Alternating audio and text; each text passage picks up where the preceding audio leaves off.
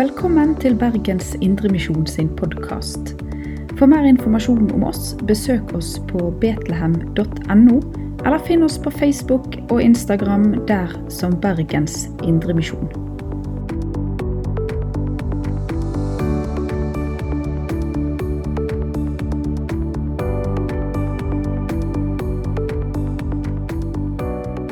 Veldig kjekt å komme til Betlehem igjen. Det syns jeg er veldig hyggelig.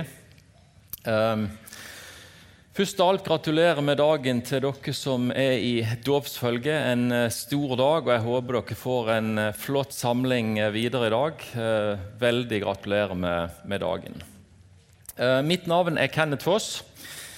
Jeg jobber på hovedkontoret til Indremisjonsforbundet på Sotra. Det har jeg gjort i ganske mange år, og har nå i noen år jobba med ja, litt forskjellige ting. Jeg jobber som markeds- og arrangementsansvarlig. Jeg har ja, litt forkynnelse.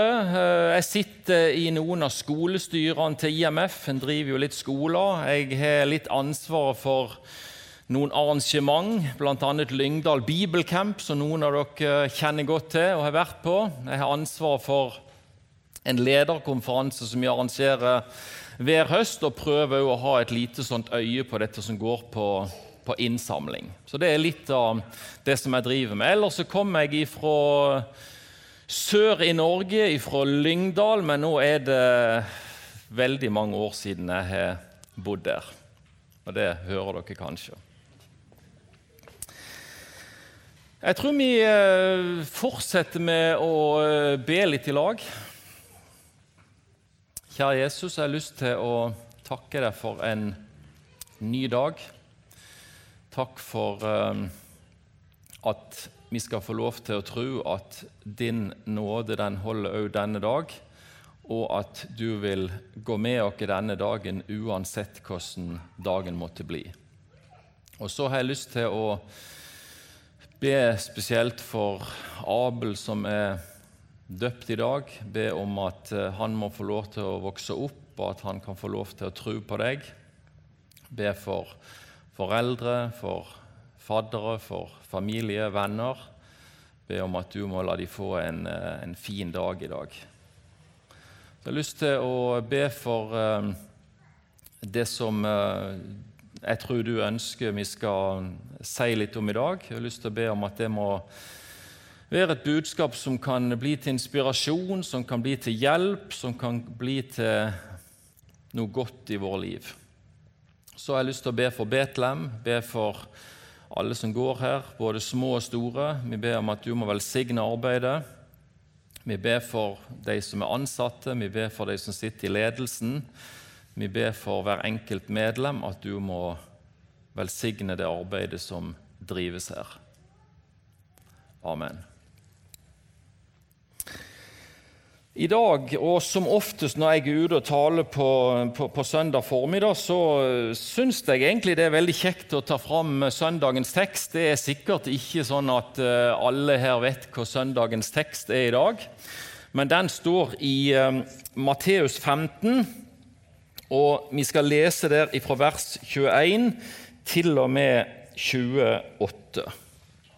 Der er han kommet opp på veggen òg. Ja, vi kan godt reise oss.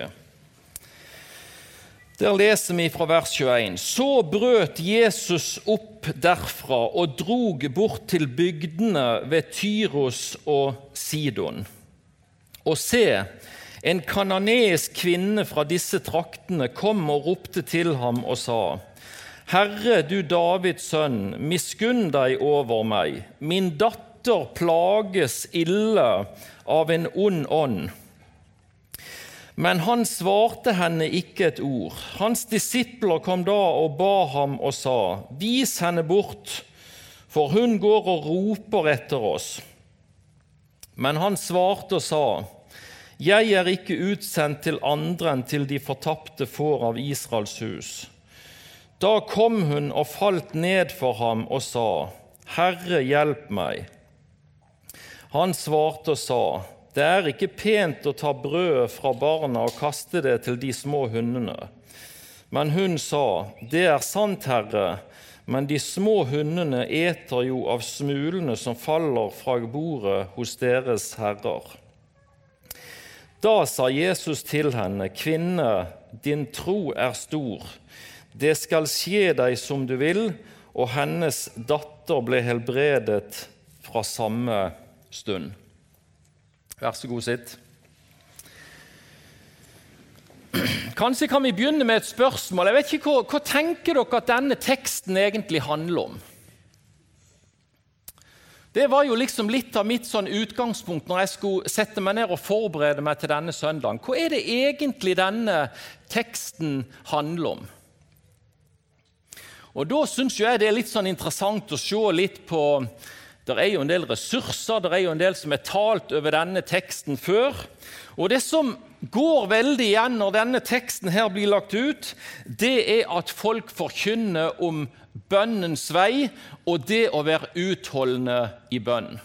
Hvis dere la merke til det i denne teksten, så er det ei kvinne som er i en fortvila situasjon. Hun har ei jente som er prega, eller, eller, det er en ond ånd som på en måte har, flytta inn i henne. Og Vi kan lese her om at denne kvinna hele fire ganger i denne teksten så ber hun Jesus om å fikse opp i dette og ordne opp i det. Og han svarer ikke. Det skjer ingenting. Og så til slutt, i det siste verset, så leser vi om at Jesus gjorde henne frisk. Og Dette viser på en måte at hvor viktig det er både å be, men ikke minst det å være utholdende i bønn. Så det skal vi snakke litt om i dag. Hvis vi går inn i denne teksten, så leser vi i det første verset her i 21 at eh, Jesus forlot Israel og vendte retninga mot eh, to steder som heter Tyrus og Sidon. Det var plasser som lå i Libanon. Det var der kananeerne bodde, og kananeerne var hedninger. Og Så leser vi om som jeg fortalte, om denne kvinna som hadde denne dattera, som hadde blitt eh, fulgt, eller hadde, ei, ond ånd hadde, hadde tatt plass i henne. Og, og hun ber Jesus om å gjøre denne jenta frisk. Hun Var fortvila. Og visste sikkert og hadde hørt rykte om at Jesus han kunne sette mennesket i frihet. Og Så ber hun fire ganger, og det er jo nesten litt sånn eh, Det er jo flere plasser der det står at han ikke svarte engang. Liksom, det virker nesten litt sånn, sånn rart, men, men, det ender opp til slutt med at denne kvinna blir hørt, og denne dattera blir, blir, frisk igjen. Og Så har jeg tenkt at det er veldig unaturlig i dag å ikke komme inn på, på litt dette som har med, med bønn å gjøre. Som er så viktig både for uh, vår egen del som kristne, for en menighet sitt liv, osv. osv. Vi ser jo det allerede i, i Apostlenes gjerninger, kapittel 2 og vers 42. Det var jo sånn et vers som jeg eh, lærte når jeg ble konfirmert, og lærte meg om de fire b-ene. Og Der står det de, altså apostlene, de holdt urokkelig fast ved apostlenes lære og ved samfunnet, ved brødsbrytelsen og ved bønnene. Altså Det var fire ting som var viktige for dem da i starten. Det var det kristne fellesskap, det var brødsbrytelsen, det var læren, og det var bønna. Og så tror jeg, Når vi ser litt oppover på historien, når vi kunne tatt fram andre bibelvers, så ser vi at det er enormt mange vers som taler om bønn. Det handler om å kaste alle våre bekymringer på Jesus. Det snakkes om eh, lite, det snakkes om store ting. Det snakkes om at vi uansett hvor tid det er på dagen, så kan vi komme til Jesus med det som ligger oss på, på hjertet. Uh, og Hvis vi ser opp igjennom på kirkehistorien, både på kirkeliv, på bedehusliv, så har bønn vært en utrolig sånn sentral og viktig sak i det arbeidet som vi har stått i. Eh, allerede i dag, denne knappe halvtimen vi har vært samla, så har det vært bedt. og det vil bli bedt seinere i dag. Det snakkes om bønnefolk, det snakkes om bønnemennesker. En del av disse som har stått og vært i store vekkelser opp igjennom, de peker jo på litt ulike ting, hva som gjorde at denne vekkelsen brøt ut. Men noe av det som går igjen alle plass, det er at det var mobilisert veldig for bønn, kanskje mange år i forveien. Og så kan det sikkert vært mange grunner til at en vekkelse bryter ut, men mange peker på at det med bønn hadde en viktig plass for at det brøt ut. Så vet vi det at når vi leser Bibelen, så er bønn viktig for relasjonen vår til Jesus. Vi vet at bønn er viktig for at vi skal få næring, for at vi skal lytte til hans stemme, og vi kunne ha sagt vanvittig mye om hvor viktig bønn er for Jesus og for oss som kristne og for kristent fellesskap. Og Så kom jo denne teksten inn på et litt sånn sårt punkt, for hva med bønnesvarene? Hva med bønnesvarene? Jeg vet ikke om det er lenge siden du har fått bønnesvar.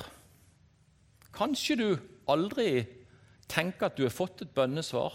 Eller i hvert fall er det ganske sånn langt mellom hver gang. Hva er det denne teksten og Bibelen for øvrig sier om det som har med bønnesvar? Ja, jeg tror jo at det er kjempeviktig å eh, på en måte ta utgangspunkt i det som står i Guds ord. Og jeg kan ikke finne noen plass egentlig at Gud lover oss spesielle ting. Det som Gud har sagt til oss, det er jo at han ønsker å være med oss i både gode og i onde dager. Og så vet vi at livet vårt kan bli veldig forskjellig. Dagene våre kan være veldig forskjellige. Men sånn som jeg leser Guds ord, så er det ingen sånn lovnad ifra Gud om at han liksom kategorisk vil gjøre alle friske og osv. osv. Men vi ser at i en del tilfeller så skjer det, sånn som her i denne teksten.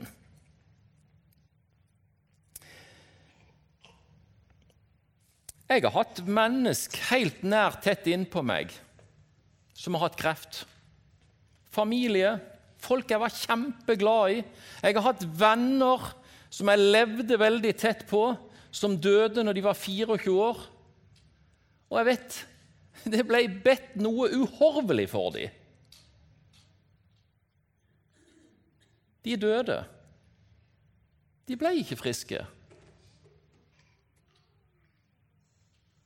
Og jeg har ikke noen forklaring.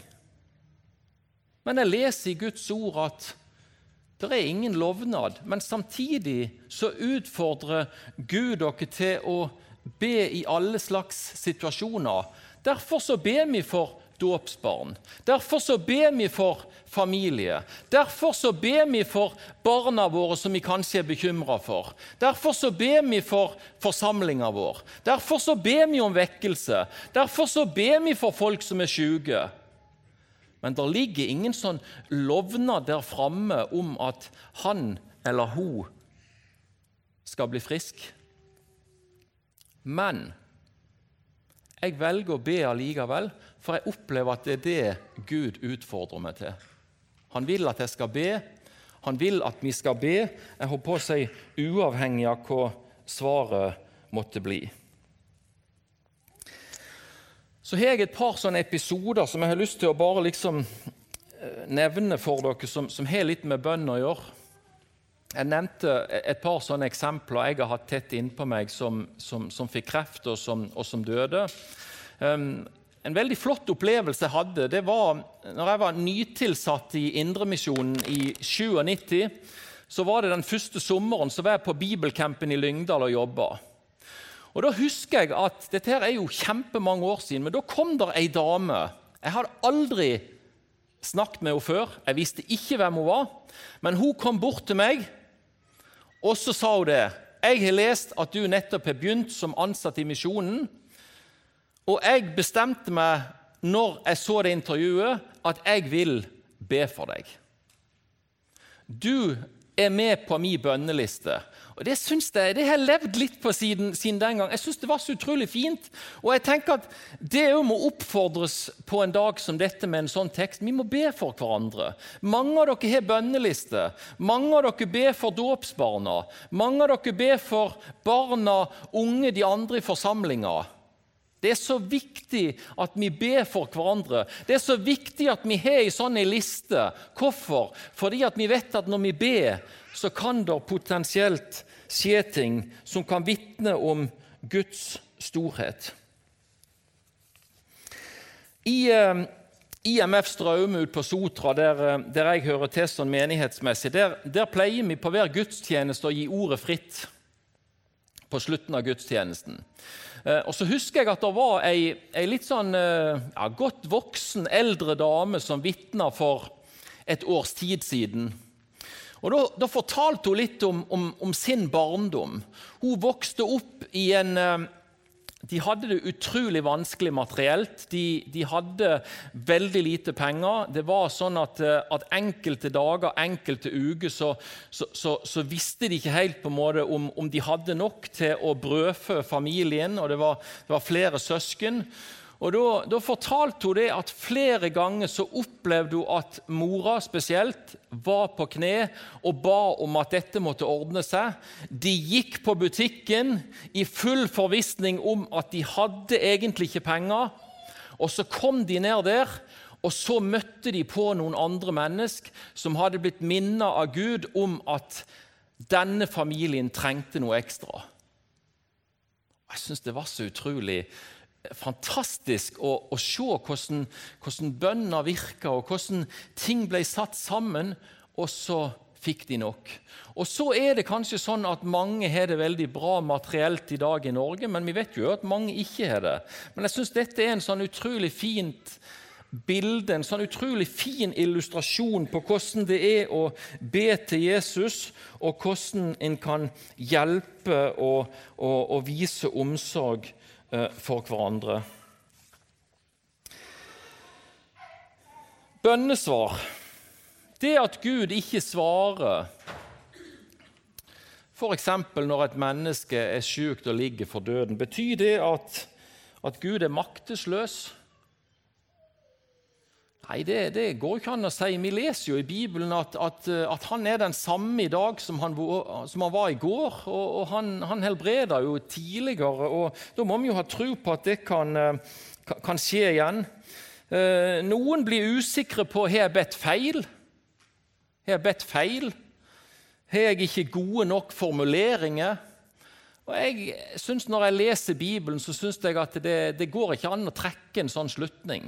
Det er ingenting som tyder på at det å ikke få svar handler om at en ikke ber riktig eller har de rette formuleringene. Jeg syns nesten at kanskje det er stikk motsatt. At, at uh, noe av dette her er veldig ærlig, direkte, dette korte sukket virker nesten sånn mer, uh, mer uh, hensiktsmessig enn disse lange bønnene. Men det, det er ingenting som har med det å gjøre. Men jeg håper at dette med bønnen, at vi kan være enda mer frimodige, at vi, at vi kan tenke at det er det første vi gjør. Jeg tenker av og til på situasjonen. Jeg husker jeg var i Betlehem her for mange år siden med, med ungdommene en, en, fredagskveld, og vi var på bønnemøte. og Da husker jeg at eh, at vi, vi hadde bønnemøte, og så husker jeg det slo meg så vanvittig. For da var det noen av disse her eh, jeg husker ikke, men Det var noen kriger som sto på i verden. og så husker jeg at Det var noen sånne ledere for disse landene som på mange måter var skyld i en del av disse krigene. og så husker jeg, når vi satt på bønnemøte her så var det noen av disse ungdommene som liksom ba for disse her lederne i disse landene med, med navns nevnelse. Og så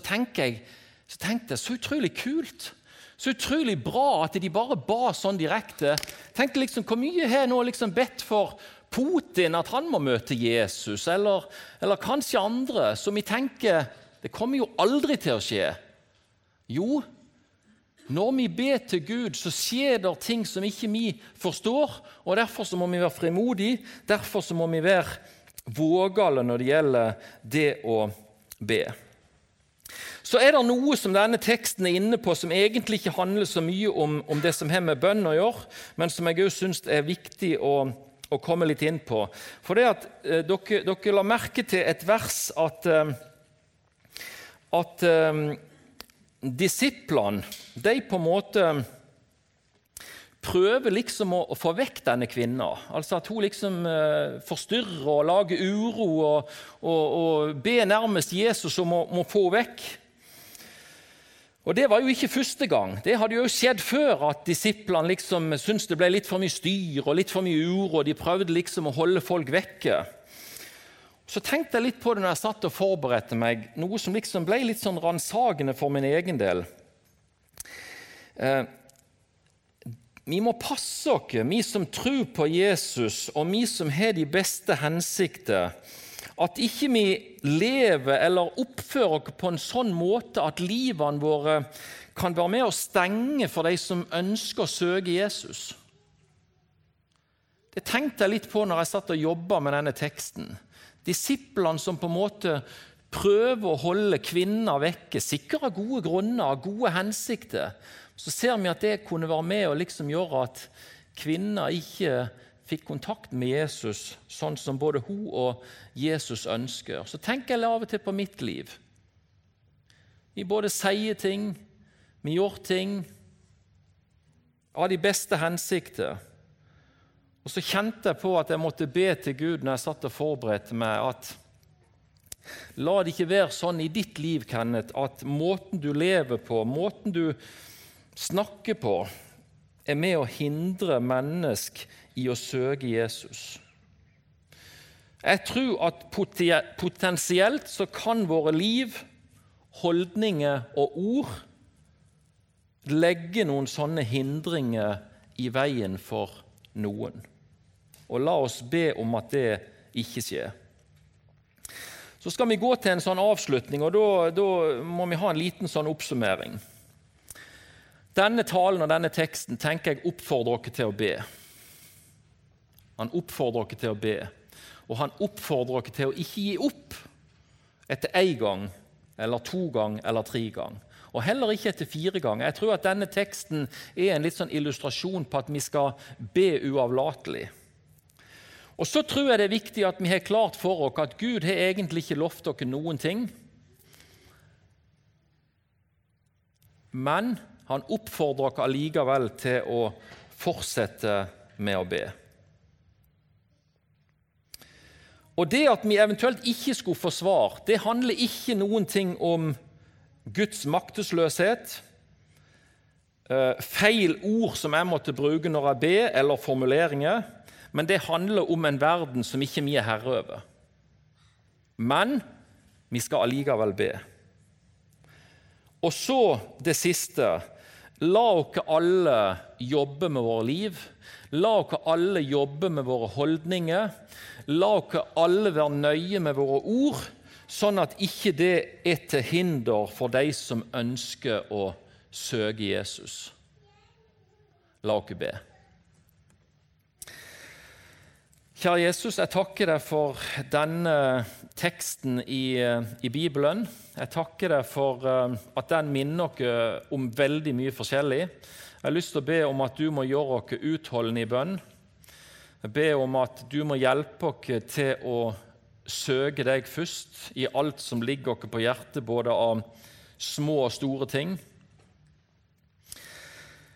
Kjære Jesus, jeg har lyst til å be om at tanken om at vi ber feil, eller om at du eventuelt skulle være maktesløs, at det ikke må feste seg, men at dette er en verden som ikke vi er herre over, men at vi lever i ydmykhet om at du svarer i rette tid. Og så har vi jo lyst til å be for livene våre, både med holdningene våre og det vi sier, at det ikke må være til hinder for at andre kan søke deg, Jesus. Enten det er her i Betlehem, eller det er på jobb, eller det er i nabolag, eller der vi måtte ferdes. La det være sånn at vi fortsatt kan få lov til å peke på deg, at vi kan få lov til å være en ambassadør, at vi kan få lov til å leve et sånt liv som er tydelig, men varmt. Amen. Du har lytta til Bergens Indremisjon sin podkast. For mer informasjon om oss, besøk oss på betlehem.no, eller finn oss på Facebook og Instagram der som Bergens Indremisjon.